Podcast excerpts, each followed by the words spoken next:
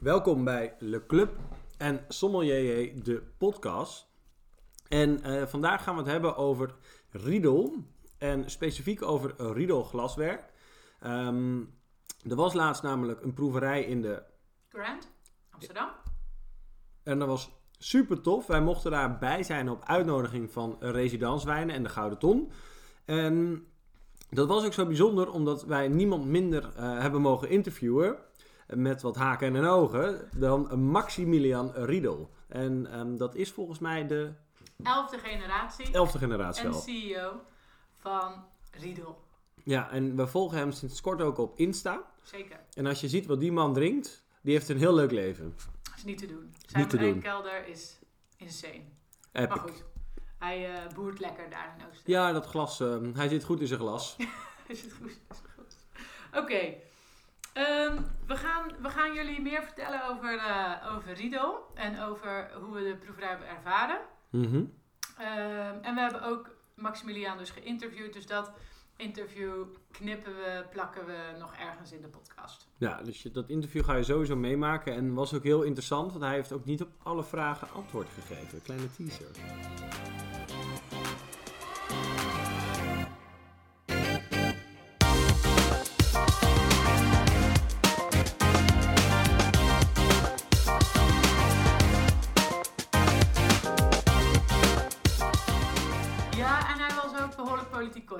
Ja, hij wist ook zeggen. wel precies wat hij wel en niet moest zeggen. Dus Ja. het was niet eh, edgy, maar wel verhelderend en gewoon leuk om een keer gesproken te hebben. Hmm, en wat ook nog leuk teaser is, is dat hij natuurlijk met die wijnspijstip kwam. Die we Ja? niet zagen aankomen. Kijk, dat is echt, ja, nu, nu moet je gewoon die hele podcast maar weer uitzitten, want er zitten zoveel teasers nu al in het voorprogramma. Ehm, maar we gaan eigenlijk even terug naar het begin. eh, en dat is dus de proeverij in de Grand. Yes. Ehm, dat vond plaats in de oude raadzaal. Mhm. Echt qua historie en locatie ehm, fantastisch. En daar in die zaal zaten 150 man. Ja, zoiets, 140, 150. 140, 150 man. En wij mochten van tevoren al even een kijkje nemen. Dus echt een kleine sneak peek in die lege zaal. Dat was sowieso tof. Ja, ik vond het ook zo bijzonder om te zien. Want ja, als je niet in de wijn zit, of als je gewoon, ik moest even denken aan mezelf, tien jaar terug. En dan dat je dan naar iets toe gaat waar je dus puur glazen gaat testen. Ja, En dat daar zo'n grote wereld achter zit. En die Maximilian die is er zo op, eh, op, op, op ingespeeld. En op, eh, hij weet precies hoe die, eh, hoe die dit moet, moet, aan elkaar moet, moet, moet praten. En hij had ook echt zo'n sterk verhaal. Maar daar komen we zo natuurlijk op. Ja. Want wij waren daar even achter de schermen. En toen, toen spraken we even met Jaap van Residence. En dat was echt super tof. Want wat zij daar dus deden...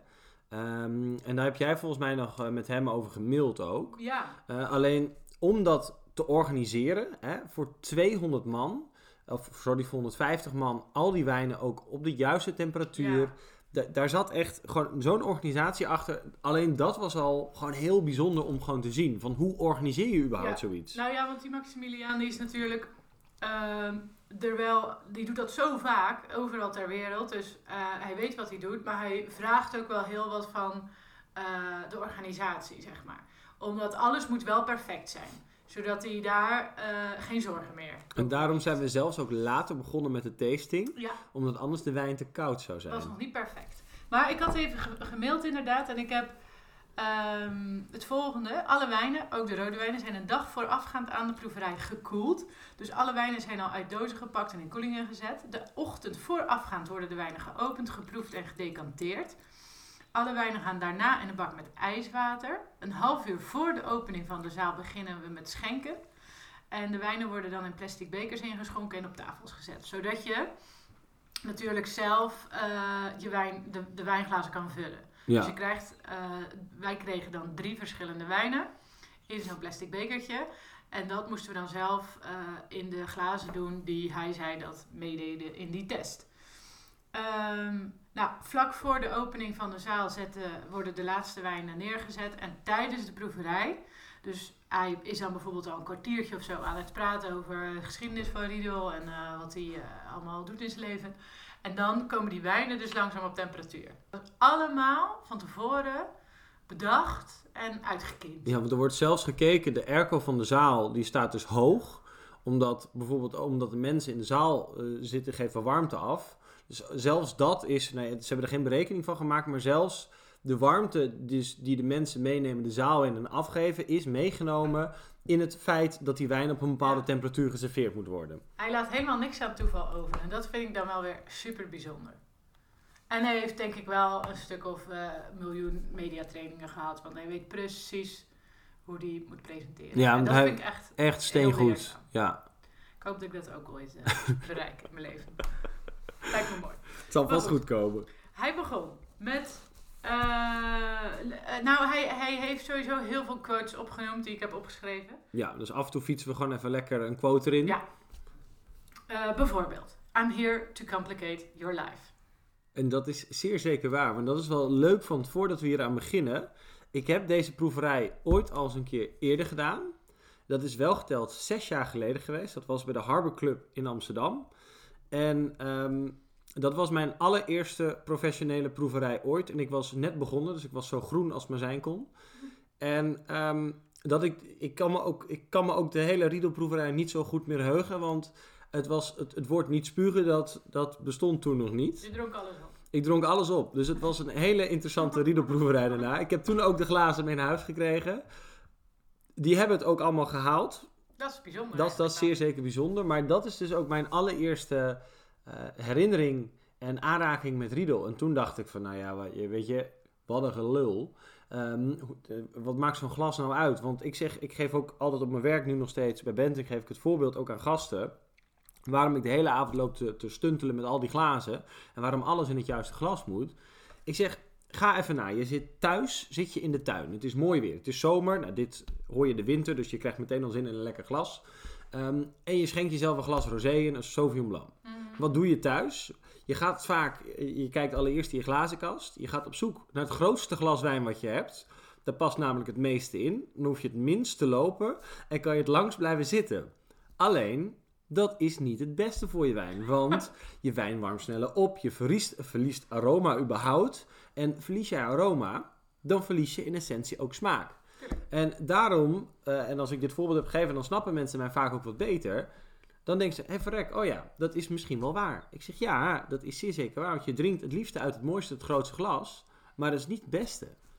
En dat is eh, ja, eigenlijk waar de hele proeverij over ging. Ja, ja, want dat noemde hij ook nog wel vaak. Om even als voorbeeld dat Burgundy glas te geven. Dat is de grootste kelk. En die staat ook in, of stond in een van de museum. Nou, een of ander museum. Een, het MoMA of het Metropolitan of Art, weet ik veel. Een museum in eh, New York. Als zijnde van eh, big, big news. Di- dit is wel een eh, epic wijnglas. Maar dat is zo'n groot glas waar veel mensen van denken... Oh, daar doet alles het in. Terwijl dat dus echt niet waar Nee. is. En we hebben dat dus ook heel goed kunnen proeven. Jazeker. Ehm, en ja, is, denk je, zullen we de eerste wijn? Kunnen we, daar, kunnen we dat al doen? Of heb jij nog een leuke quote? Ik zie jou kijken, je hebt sowieso nog een quote. Ik heb sowieso nog een quote. Want hoe proefde, proeven we? Ehm, wat zei hij steeds? Hij zei steeds, feel the wine. Feel the wine. Feel the wine. Ja, we hebben een hele hoop moeten voelen. De eerste wijn, ja, laten we daarmee beginnen. Weet jij nog wat het was? Ja, het was eh Matatic, Chardonnay, Chili. Dus echt een full-bodied, typische nieuwe stijl, ehm, of nieuwe wereldstijl Chardonnay. Vol op het fruit, likje vanille, botertje. ehm, maar ook weer niet te, want het is, Matatic is wel echt een hele goede producent. Maar wel in het kader van tekstboek Chardonnay. Een Mhm. zo, zo tekstboek Chardonnay als het maar zijn kan. Dat moet voor iedereen herkenbaar zijn. Eh, en daar begonnen we dus mee. Ja. En dat was heel interessant. Want we hebben. Die schonken ze in eh, het witte wijnglas. Dat is degustation restaurant. Dat is gewoon een basic wit glas. En eigenlijk vond eh, meneer eh, Maximiliaan dat eh super kut. maar ja, hij zei, we moeten ze aanbieden, want het hoort erbij. Ja, want mensen willen gewoon uit zo'n glas drinken. Dus ja. Nou ja, het is gewoon een, Een proefglas, ja. eh, glas voor, eh, voor de horeca. Eh, Extreme Restaurant, en dat is dan specifiek voor Oud Chardonnay, dus dat was voor deze, ja, toch? Ja. En we hadden nog de eh, Burgundy. het Burgundy Pinot Noir glas. Ja, Old World. Ja, en we, we zetten trouwens in de show notes ook nog wel even een, een linkje of een fotootje van de glazen. Ja. Ehm, zodat jullie ook allemaal ook even kunnen zien in plaats van horen. Want dit is natuurlijk ook wel iets meer visueel ingesteld. Ja. Dat je ook echt even kan zien, oké, uit welke glazen hebben ze dan welke wijn gedronken. En Ja. ja, Nou, hadden dat ze schrijven nou we over? blog ook nog. ja. Staat alles eh, bij elkaar. Dus beter. Het is beter. Ehm, ja, dus wat eh, was het geval? Ehm, die Chardonnay, want toen moesten we dus uit ons plastic bekertje dat zo inschenken. Nou, ik, wij zaten dus front row. Dus oh, we Ja, ook dat nog. Maximiliaan nog weer aanraken. En ja, ik, wel, ik weet niet. Ik vond het weer heel spannend. Ja, ze, ze vond het echt heel spannend.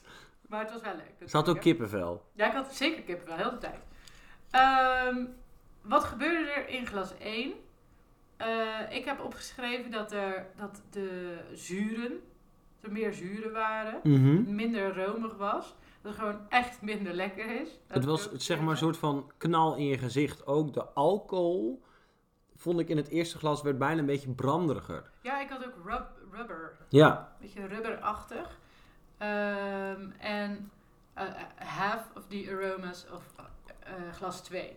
De glas 2, dat is het glas ervoor. Die Het- oud Chardonnay. het typische, typische Chardonnay glas. En dat was een fruity loudspeaker of the wine. Very buttery, creamy, long lasting. En ook met name vind ik ehm, dat, dat hele rijke fruitkarakter, zeg maar, dat, dat lekkere nieuwe wereld, echt zeg maar die power, Ja, dat sprak ontzettend goed in dat ja glas. dat, dat romige, want, en dat was gewoon compleet weg bijna in dat eerste glas. Ja, Dus die wijn kwam absoluut niet tot zijn recht.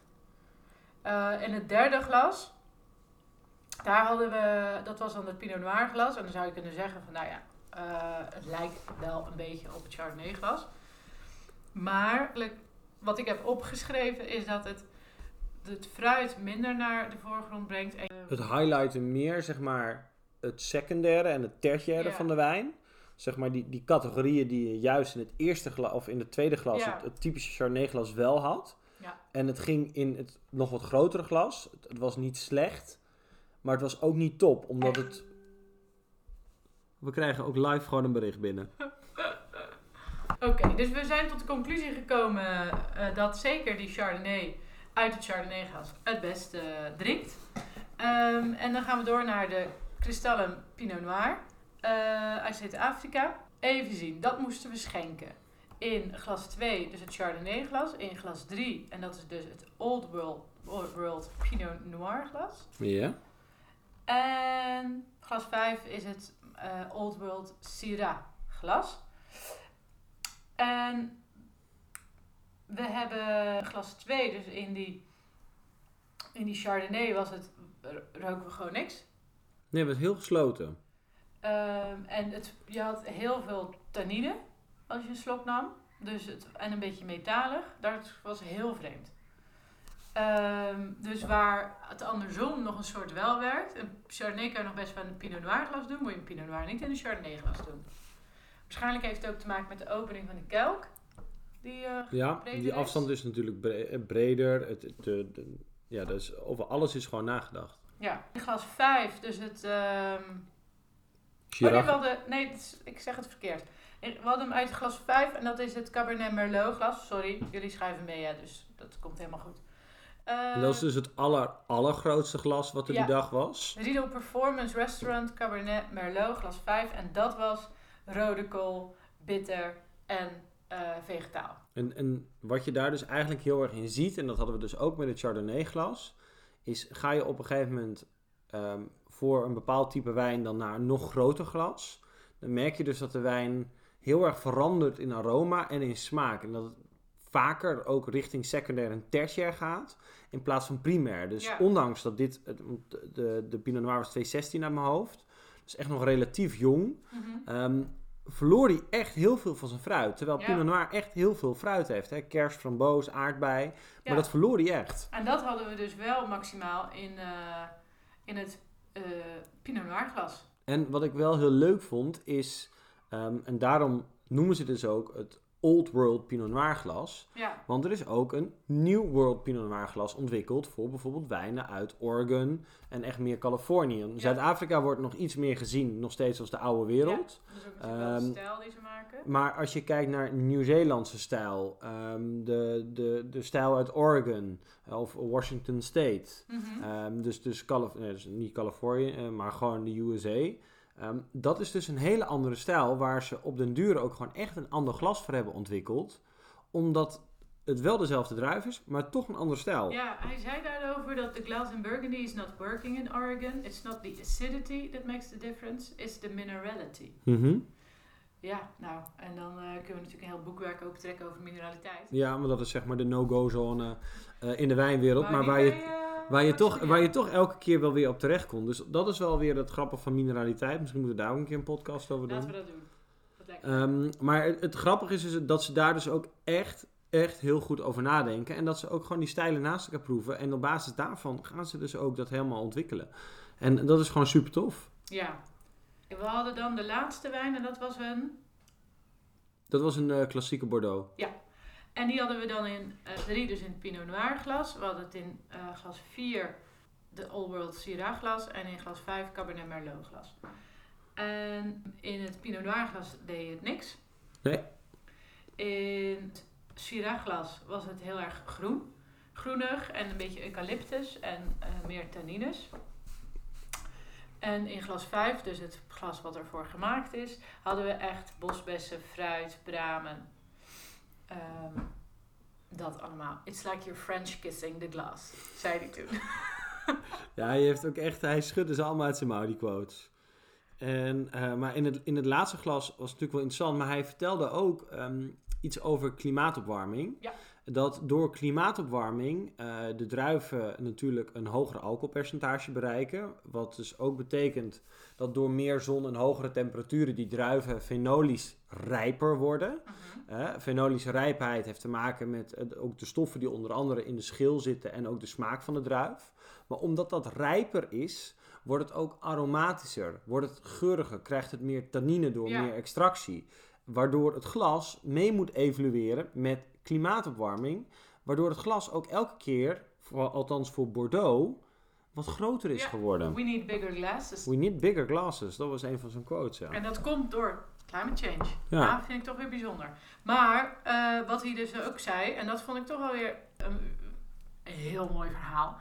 eh, dat is dus dat hij zei, ja goed, ehm, dat is inderdaad zo, we hebben grotere glazen nodig. Maar op den duur, ja, je kan moeilijk met een soort aquarium voor je neus zitten. Er is een grens. ja. En ehm, toen, ging, toen heeft hij daar heel lang over nagedacht. En toen zei hij van, how can I make a big glass into a small glass? En dat heeft hij onder andere voor Kroeg mogen doen. Dat hele is begonnen bij Kroeg, inderdaad. Die wouden dus wel hetzelfde effect van het grote glas.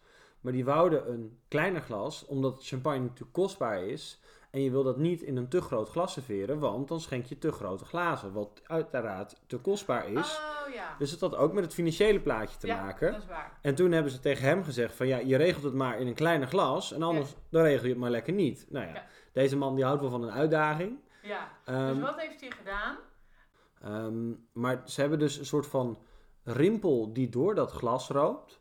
Wat er echt super mooi uitziet. Je denkt echt van, wat is wat, wat een bijzonder glas. Maar door dat zeg maar toe te passen in het glas, heeft hij het grote kun- kunnen combineren in een kleinere vorm. Ja. Maar wel met hetzelfde effect. Want hij heeft, het is uiteindelijk meer glas. Ja, Maar ja, het is een, heel, te- heel ingewikkeld verhaal. het is een heel technisch verhaal. En het gaat af en toe ook wel gewoon echt, echt heel ver Ja. in details. Ehm, maar Soms de- misschien een beetje te. Maar we hebben wel eh, geleerd dat er echt wel een groot verschil is. We waren echt met stomheid geslagen soms. Ja. Nou, ik vond het echt een, echt een eye-opener. Want Ja, hè, ik, ik had natuurlijk die proeverij al een keer gedaan. En ik, ik, ja maar toen was je niet echt aan het opletten. toen was ik niet echt aan het opletten. Alleen eh, nu je zeg maar professioneel wat verder bent. En je ook beter proeft. Want ik denk dat dat ook wel belangrijk is. Ga je ook wel de verschillen zien. En na, na de hand was er ook nog iemand die- die zei van... Ja, al die glazen, het maakt allemaal helemaal niks uit. Dit en dat, zus en zo. Maar je hebt ook altijd de haters ertussen zitten. Terwijl ik denk van... Heb je dan ook gewoon echt niet goed opgelet? Nee, want er was echt duidelijk verschil. En, het, en een van de mooiste dingen vond ik ook nog wel dat hij zei: Oké, schenk nu je restjes weer terug eh, in je plastic beker. En ruik dan aan je lege wijnglas. En ruik vervolgens weer aan die, aan die beker. Nou, zelfs toen roken we nog ongeveer alles in dat glas, ook al was het leeg, en niks in die beker. Die beker was gewoon een soort van neutraal. Ja, dus echt, ik kan ook echt niet tegen. Het liefst loop ik gewoon weg als er in een eh, restaurant uit van die bekers wordt geschonken. Zeg maar van die, van die eh, weet je wel, van die, Die verschrikkelijke glazen. van die glazen, zeg maar, van die Oh. limonade, van die waterglazen. Dus dat gebeurt. Ja. Vind ik niet te doen. Vind ik echt niet te doen. En dan bedoel ik heus niet snobistisch. Vind ik gewoon vreselijk. Hij een hekel aan de fluit. Ja. En we- weet je ook waarom? Weet ik ook waarom? Nou ja, voor, in ieder geval voor mij is het dat ik mijn neus er niet in kan stoppen, dus dat ik niks ruik. Ehm, en dat de aroma's natuurlijk niet tot zijn recht En drinken wij überhaupt bubbels uit een vloed? Nee, nooit. Nee. Zo hadden we laatst nog krug uit eh, het grootste glas wat we konden vinden. Ja, Bourgogne. Wit. Dat is geweldig. Oké. Ik denk dat we, dat we ons verhaal hebben gedaan over de glazen en over de proeverij. Ehm, en dat we nu het interview erin kunnen gaan fietsen. Ja, dus ehm, we gaan nu dus over naar het interview met eh, Maximilian Riedel. Eh, ons eerste interview voor de podcast ooit. Ehm, dus ik zou zeggen, ga lekker luisteren. Superleuk dat jullie het eerste gedeelte alweer met ons hebben volgehouden. Zeker, bedankt. En ehm, mocht je ook vragen hebben over glaswerk, eh, laat het dan even weten in de comments of stuur ons een berichtje op Insta. Ehm, want dat vinden wij zelf ook interessant. En als jullie ons vragen stellen, dan moeten wij ook gewoon nog meer nadenken. Precies, en anders gaan we het gewoon vragen, want we hebben nu een één op één lijntje met Max. Zeker.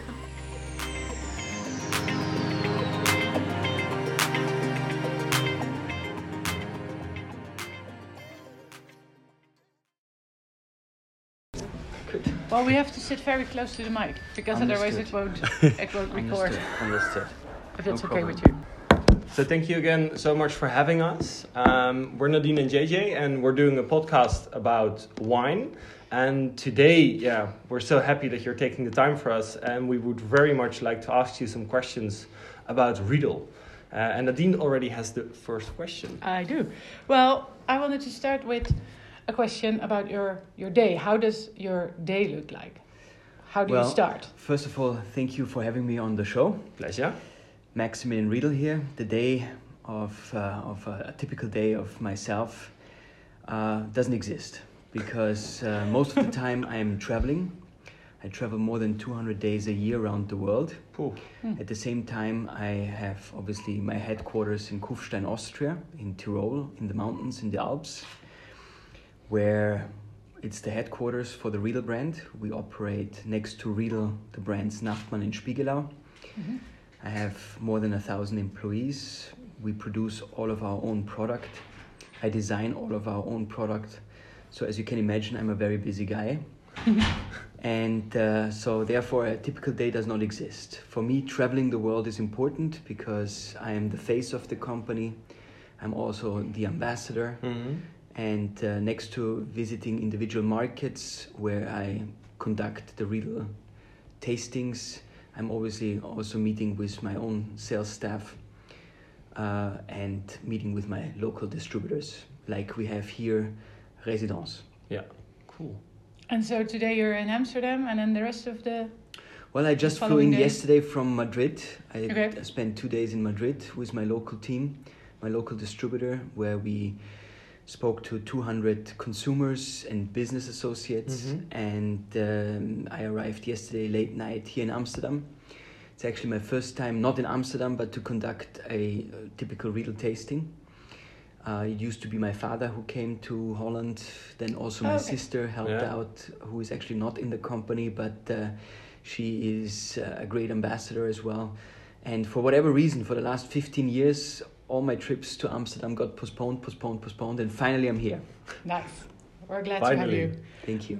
Um, when des- when designing uh, glasses, Mhm. do you, because you said that's that's part of the of the Mhm. job of what you're doing, Mhm.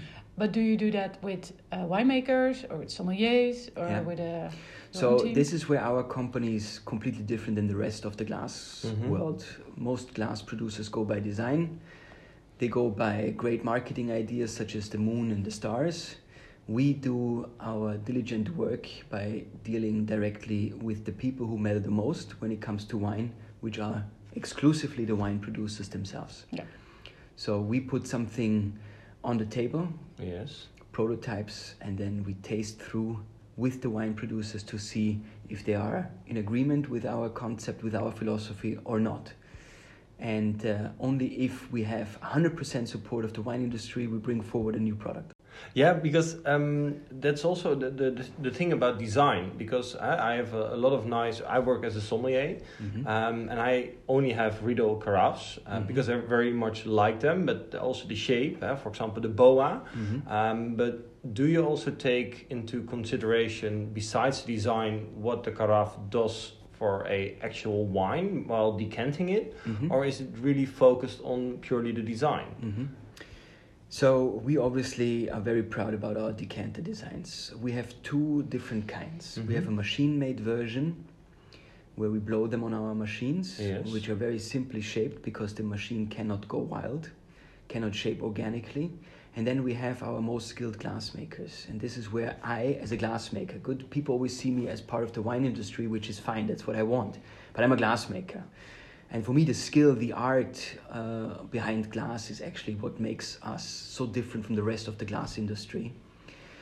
Um, and I'm very proud about what they have accomplished, how skilled they are, and on a daily basis, how they produce these amazing looking decanters. So, with the decanters, I can express my vision of glass shaping. With the wine glasses, I can't really do that Mhm. because form follows function. With the decanters, it's different. So with the decanters, I would say first comes the design, second comes the Yeah. functionality. But of course, we're very adamant that also here, and the only reason why we decant wine is because of aeration, that we can expose the wine to maximum aeration. Okay, yeah, because um, when you use, for example, the boa, it's it's it's a lot of fun also to use it at the table because you always have the, the last little zip, and you have to try to swirl it out. It's it's it's it's very cool also also for your guests. So uh, in a way, This is where it comes into play because I say to every consumer the same. Why do we go to restaurants? We go there for the number one reason, which is entertainment. Yeah. Right? So everything you see in a restaurant needs to bring forward entertainment to also separate you from the rest of the restaurants in Amsterdam, for Mhm. example. So if you don't find new ways, interesting ways how to entertain me as your guest, I'm not going to come back. Great food, long wine list is not anymore a given that people come and see you. It's very it's very on point what you're saying, eh? because I think there is more, eh? and we we had to focus on all kinds of cooking programs, and we forgot the people that were standing in front making the show. Absolutely. Yeah, so that's that's. I'm very happy. To, I'm actually very pleased to hear that. yeah. Has it always been your dream to take over Riedel, the company? Well, obviously, uh, the dream uh, that, or what got me there, where I call it the Odyssey, a very short version of the Odyssey, because as a young man, everybody has, or a woman, you have dreams. Good, Mhm. being it related to sports, being it related to movies. So of course, I grew up in those days with uh, with with Formula One characters that imp- left a great impression on me. This was the good days of Formula One. Um, then there were the movies with Rocky Balboa. So of course, uh, I, I had these kind of uh, breakouts. But at the end, I was born into my role, and my parents did a fantastic job selling me uh, their dream of me stepping into the family business. And I would say it's part of education that really got me into what I'm doing now, and I love what I'm doing. and you did also other things before you uh, got into the company, right?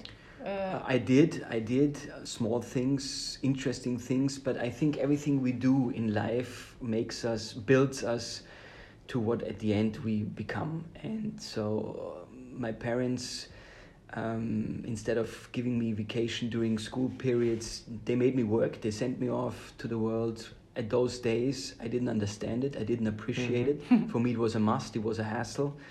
But now, looking back, it was the right thing to do. Um, and is the um, is the next generation already on board? Is it are they already? Well, my son is four and my daughter is two, so mm, they make me work, And- but and they're not but, uh, working at all. and your sisters? Or She has three boys, and the oldest is 14. Okay. Okay. And he had his first internship with us this year for a week. My first internship at cool. Riedel was 12. I was 12, but I was working at the factory. The new generation doesn't want to work in the factory anymore. So, but they know a lot about social media. So that's Yeah. what that's Yeah. his expertise, and uh, we learn from him. Believe it or not. Yeah, I, Here I comes can this 14 year old kid, and uh, everybody's like stunned. The knowledge that they bring along. When I was 14, I was still playing with Playmobil. So unbelievable the Yeah. difference. They're much quicker uh, these days. How sad. Yeah. They're not allowed to be kids anymore. Yeah. Yeah, they're always on their phones. Do you have a, a favorite wine glass, or on Yes. which design are you most proud? Well, it's not a design I'm most proud because I didn't crea- create it, but uh, it is uh, a glass which got my family, um, which planted the way for my family. It is the Sommelier Burgundy glass. It used to be called Pokal Hoch. My grandfather, Professor Klaus Riedel, designed it in the early 1950s. It gave him the title of professor. It gave Austria the golden medal uh, in Brussels at the World Exhibition. And it gave us fame because it ended up in 1960 at uh, the Museum, Museum, of Modern yeah. Art in New Yeah. York, permanent exhibition. So I call it the mother of all modern wine glasses. I see. And the best selling? Is always our Cabernet glass. All right. which is stress on us because it only works with a Bordeaux blend, red blend that is, doesn't work with anything else. And when the competition gets uh, leads from the press and they put our glass next to their glasses, they always put it against the Cabernet glass. And this is a big disadvantage because it only works with wines that have high concentration in tannin and if you pour pinot noir into it it doesn't work it Yeah. doesn't taste it doesn't smell so our glasses come with a complication and uh, but if you master the complication you will drink wine like you have never drank it before Um, well, there's something else we wanted to ask. Uh, we're we're doing a WSET uh, diploma, Mhm. and uh, next year we have uh, an essay to write about natural wines. good luck Thanks. That's Um, what we thought. Yeah. And well, the last few days we're uh, we're we're tasting natural wines and we're learning about it and we're exploring this this this field.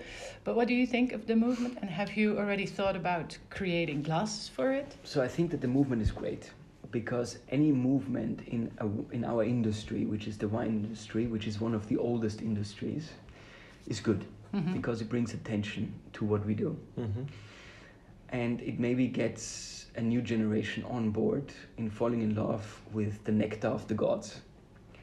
I don't like natural wine. Good, don't get me wrong, and I put it into the mic and I give you a good reason.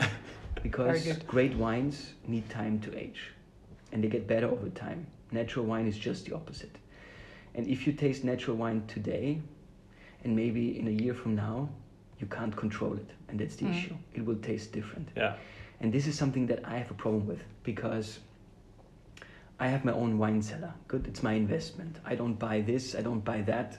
I invest in wine. Mhm. And if wine doesn't give me the luxury to have time, then it's a bad investment. That's what I feel personally. Good, that's my personal opinion. Mhm. You don't get it with natural wine. I think it's a great stepping stone for young sommeliers. I think it's something where a sommelier could put his own signature onto the wine list. And that's why I think it's fascinating. But it's not something that I would invest in. Yeah, well, it was interesting. Yesterday we were at the, at the tasting, and there were two girls, I think 20 years old, and they started with natural wines. Great. That's why I think That's- it's a great movement. Yeah. But if it's something for people who have great experience and who really see wine not only as pleasure, fun, and business, but also as Mhm. an investment, that's not where you want to invest in. Yes, we have been approached by many, many wine producers if we want to come forward with a natural wine glass. Yeah. Um, I would believe it or not, the French are the ones that push us the most in this direction. Really? Yes, even though normally they don't push at all the concept of glassware, but here they are very keen, and I think there's a good reason for that. Um, I have not started the pro- pro- progress and the process yet, um, and uh, but that's just because we have many other things first to do, and I hope that the trend stays alive. Mm-hmm. But I'm not the guy who would invest in it. But I think it's also quite difficult because sometimes, and that, that's what we uh, really saw this week, is you lose like the typical character of a wine. And we had a Verdejo, which you really didn't taste anything that was left of the Verdejo. So on which would you then focus for a glass if you would contain Exactly. typical aromas? It, it would be very And- difficult. And our philosophy is grape varietal specific because Yeah. the DNA of a grape carries from A to Z. And uh, it's very difficult here. So it's an unstable product. And, uh, and that's why I have not yet focused on it. okay. No. Understand. Yeah, I had this other question. The holidays are coming up, and what if what if people don't have glasses yet, Riedel glasses? Yes. What would be the best way to start? Well, I would collection. suggest that you first think about yourself. Good. It's a very personal decision because wine is very personal. Just because you like Riesling, maybe you don't like Riesling. Good. So be cautious. And uh, if you're a couple, think twice. What do does she like and what does he like? Because maybe those are the two glasses you need to invest in. Me, I'm a Pinot Noir drinker it would be a wrong investment for me to buy Syrah glasses when I like Pinot Noir. So Yeah. this is your answer. I would buy my Pinot Noir glass, but there are many Pinot Noir glasses in the real range, and the reason is because we try to meet many price points.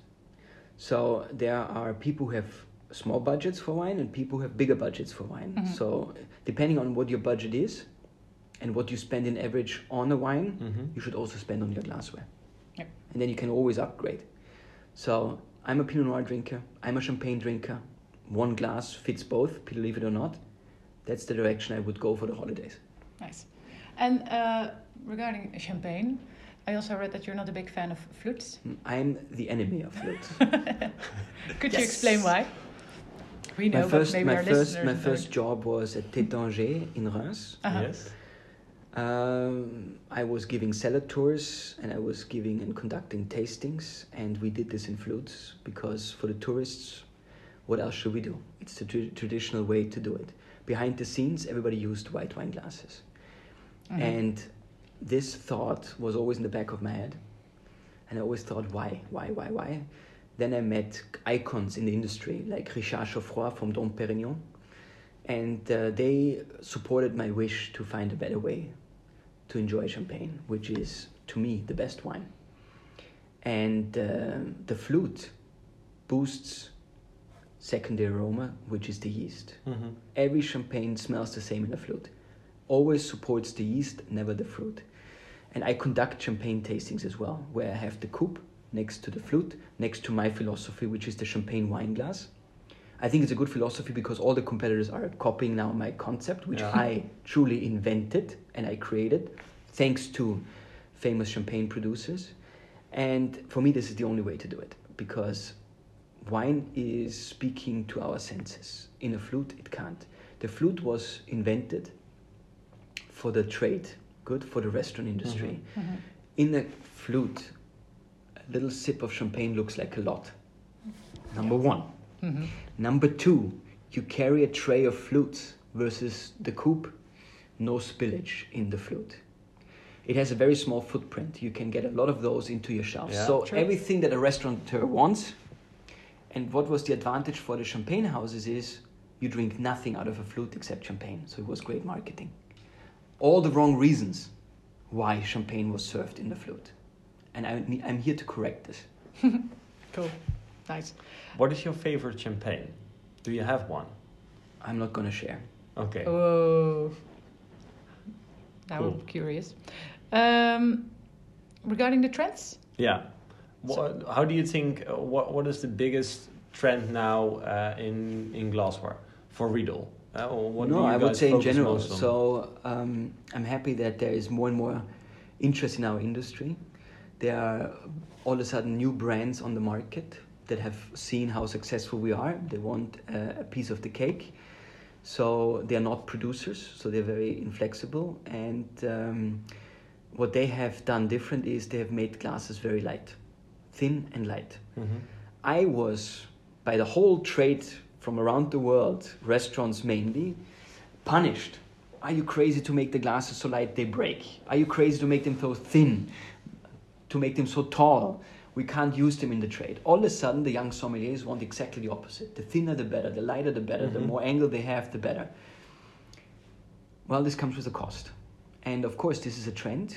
Uh, we started the trend in the 1950s, good? In the 1960s, in my museum, you see thin glasses, light glasses. Nobody wanted them because people wanted to durability. Hmm. The glasses were handmade, they cost a lot of money. Breakage in restaurants was not acceptable.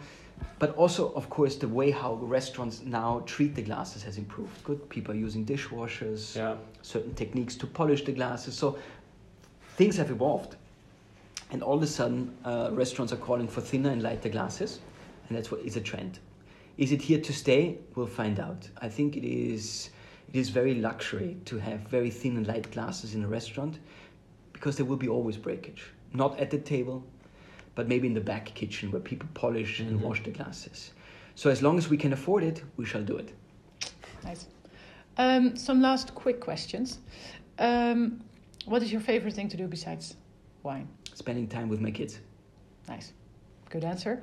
Um, and what's your favorite wine region? I don't have one. They're all great. You can pick one. No, I won't. it, it's, it's, I think it's the same if they would ask us pick a, f- pick a favorite wine region. It's so difficult. Yeah. You did it in the podcast. Yeah, but I had to. I was under pressure. Uh, your ultimate wine and food pairing. White chocolate with Pinot Noir. Ooh, nice. Oh, We have to try that. yeah. That's Simple. interesting. Everybody can do it, and everybody loves it. That's a good one. That's it, I think. That's it. Wonderful. Thank you so much for Thank your you so much. Thank you. Appreciate it. Thank you for having me on the show. Bedankt dat jullie weer hebben geluisterd naar onze podcast. Ehm, we zijn jullie super dankbaar. En we hebben sinds kort ook een eigen Instagram-account. De Club is Sommelier de podcast. Volg ons.